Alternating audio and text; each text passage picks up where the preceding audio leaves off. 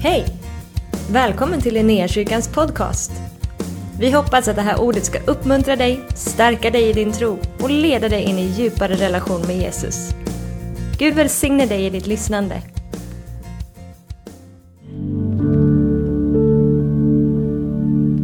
Jesus har, har uppstått ifrån de ifrån det döda och här nu från, från det som blev då påsk eh, dagen Jesus uppstår, ända fram till Kristi himmelsfärd så hade de här eh, 40 dagarna Jesus rör sig runt omkring lärjungarna och eh, visar sig för dem. Han, eh, han äter med dem, de får känna på honom och han visar eh, sina händer, sina fötter. Eh, det måste ha varit en mycket omvälvande tid för lärjungarna. och när Paulus börjar predika, första predikan som, som, som Lukas, författaren till Apostlagärningarna, skriver ner. Eh, han måste ha hört eh, Paulus predika många, många gånger. Eh, men han refererar till den här första predikan som han skriver ner ifrån Apostlagärningarna 13 så är det det här som han nämner. Jag skulle vilja läsa dem några rader tillsammans med dig från Apostlagärningarna kapitel 13. Och så läser jag från vers 29, 30, 31 och sen hoppar jag ner till vers 38 och 39.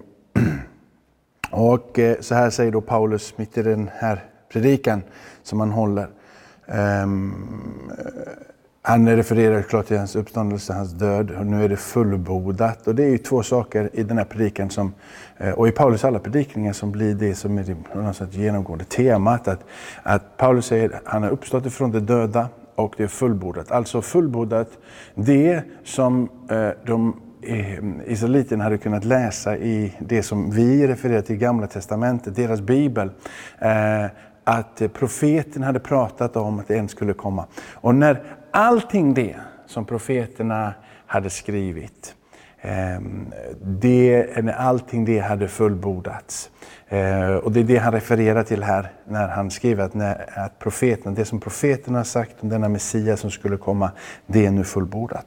Och när det hade fullbordat allt som var skrivet om honom, tog de ner honom från träet och lade honom i en grav. Men Gud uppväckte honom från de döda. Under många dagar visade han sig för dem som hade följt honom från Galileen upp till Jerusalem och som nu är hans vittne inför folket. Därför ska ni veta, mina bröder, att det är genom honom som syndernas förlåtelse predikas för er och för var och en som tror förklaras rättfärdig i honom och fri från allt som inte kunde frias genom Mose lag.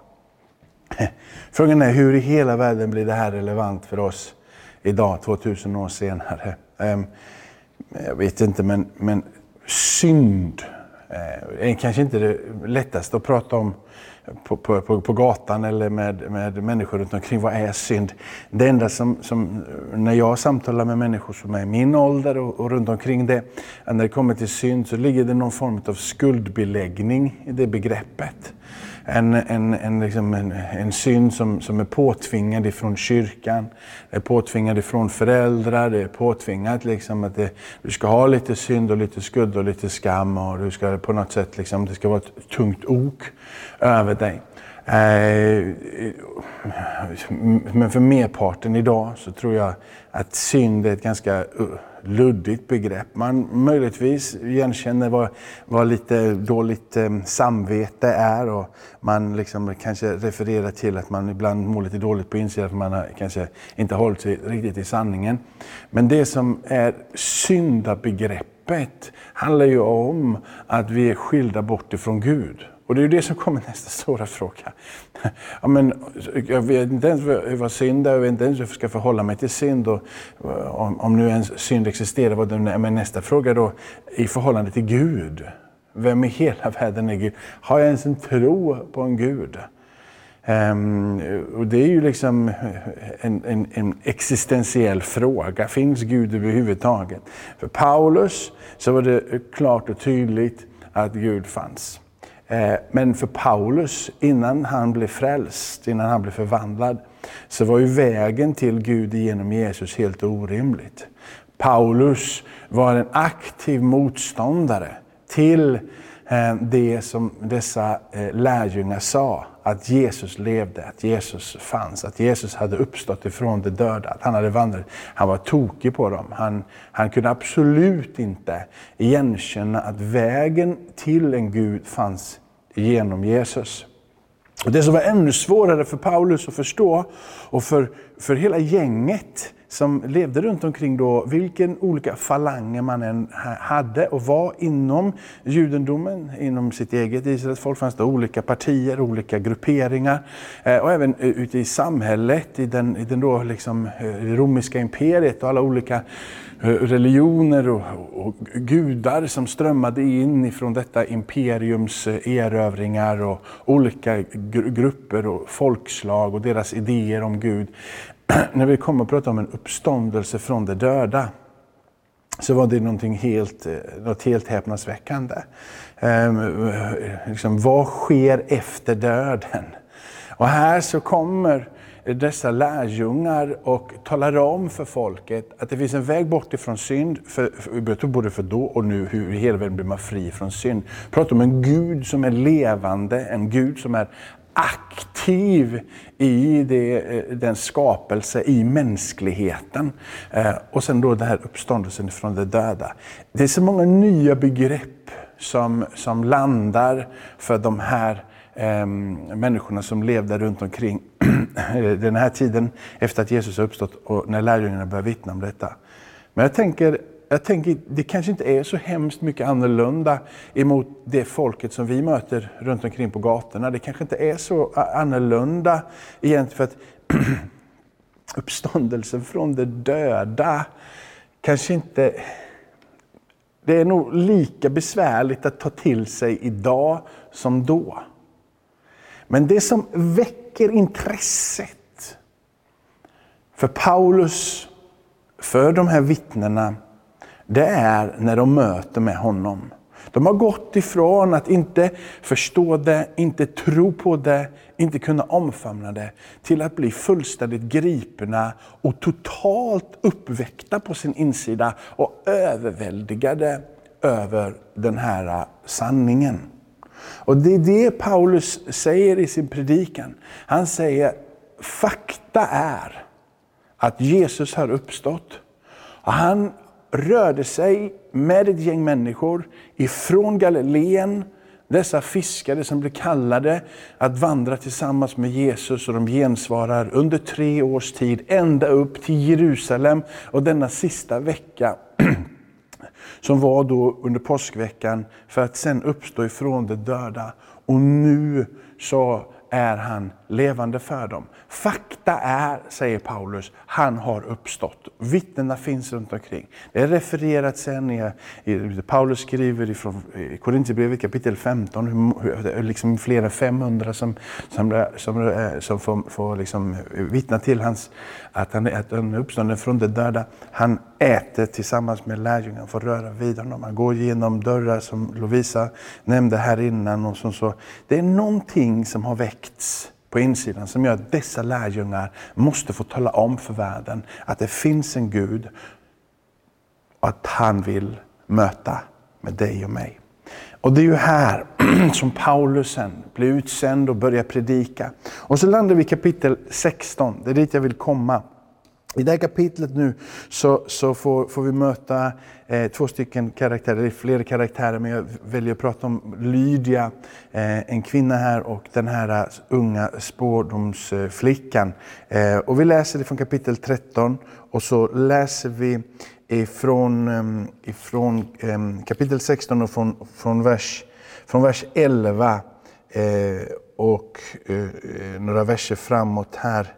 Ehm, vi kan läsa från vers 13 och så läser vi ner till, ner till vers 19. På sabbaten tog vi vägen ut genom stadsporten och gick längs en flod. Där vi antog att det fanns ett böneställe. Vi satte oss ner och började tala till de kvinnor som hade kommit dit. En av dem som lyssnade hette Lydia. Hon, hon handlade med purpurtyger och var från staden Thyatira. hon hörde till dem som fruktade Gud och Herren öppnade hennes hjärta så att hon tog till sig det som Paulus predikade.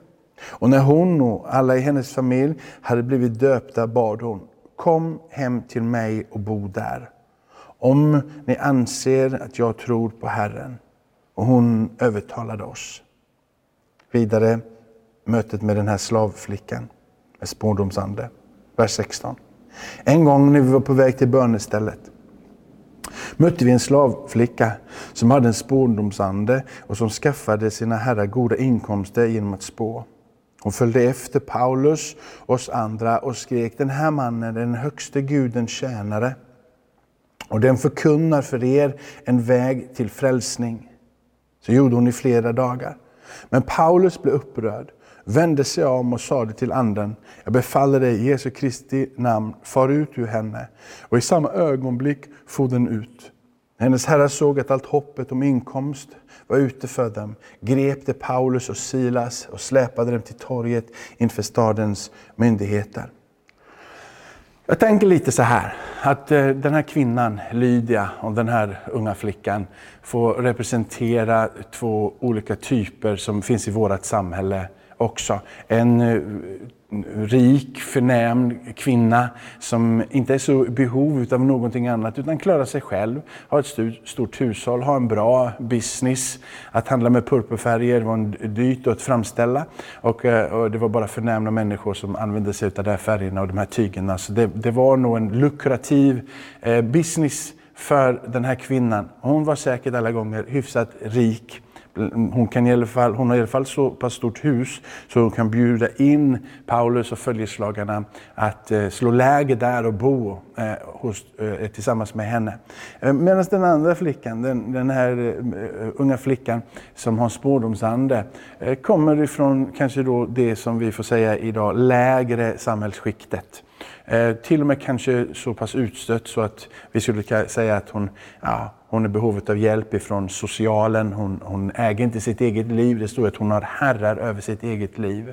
Så att hon äger inte sin egen situation, hon äger inte sitt eget liv. Hon har ingen kontroll över det som händer. Hon är även besatt så att eh, hon kan se in i saker. Um, och det kan låta oerhört märkligt för oss. Uh, och det var märkligt då med. Det var inte så att alla hade en spårdomsanda över sig. Utan det var någonting som inte var speciellt vanligt. Men det fanns fanns där och man rörde sig dit för man ville veta vad som hände framåt. Och om vi skulle vara så naiva idag och säga att inte det finns, så tror jag vi liksom sparkar oss själva på sparbenet. Ehm, de andar som var verksamma då, de andar är verksamma idag. Kanske så märks det och syns det på olika sätt. Men folk har då som nu ibland någonting som är herre över deras liv. På ytan så verkar det inte vara så för, för Lydia. Hon har sin plats i samhället och hon har sitt inflytande. Och hon är på det sättet kanske herre över sitt eget liv. Hon kan styra. Och, eh, när hon väl här sen möter med, med, eh, med Jesus, då det står att Herren öppnade hennes hjärta, så förändras inte så mycket för henne egentligen. Hon kan fortsätta att leva som hon levde innan. Hon kan fortsätta att bedriva sin business precis på samma sätt. Eh, ingenting gör skillnad för henne.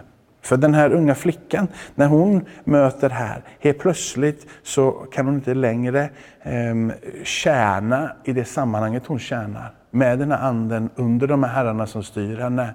Hon har inte längre någon trygghet, hon har inte längre någon möjlighet. Allting det som var hennes värld blir fullständigt bortryckt ifrån henne. Dessa två personer eh, står på två skilda platser i livet med olika förutsättningar. Men Bibeln vill visa oss, Gud vill visa oss genom skriften, att alla människor behöver få möta med Jesus. Alla människor behöver få upp ögonen för att det finns en väg att få komma in i den tryggaste famn och den mest kärleksfulla relation som finns. In i ett möte med Jesus, in i Faderns hus, in i ett möte med en Gud som är god.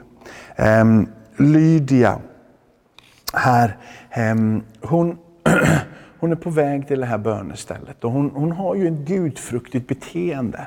Hon ber till Gud.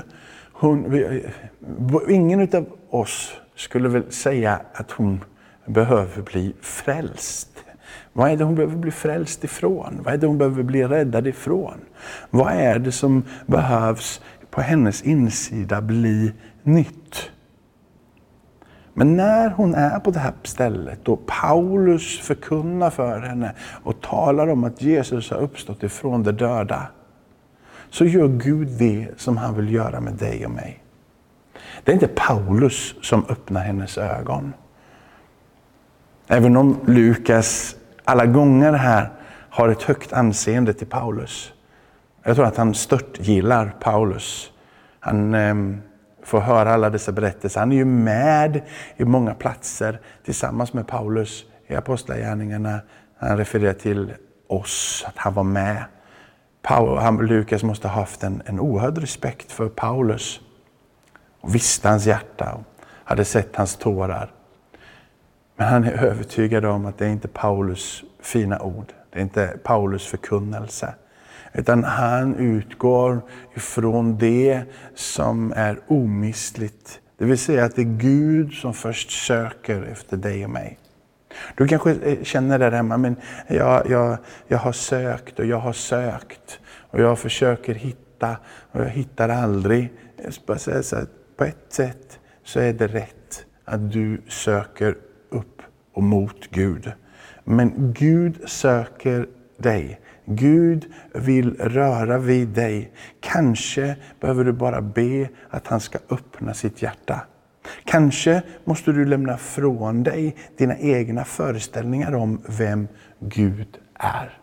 När vi kommer till Gud så kan inte vi komma till Gud och säga sån här är Gud. Utan vi får komma oss ner och böja oss inför honom. Och Gud får tala om för oss vem han är. Det är så du blir frälst. Inte att du talar om för Gud vem han är. Utan att Gud får tala om för dig vem han är. Det är det som sker i Lydias hjärta. Lydia har respekt för Gud. Hon kommer till den platsen där hon låter sig få bli undervisad. Där hon låter sig ta emot orden ifrån Paulus. Och helt plötsligt så böjer hon sig och undrar, vem är den här guden?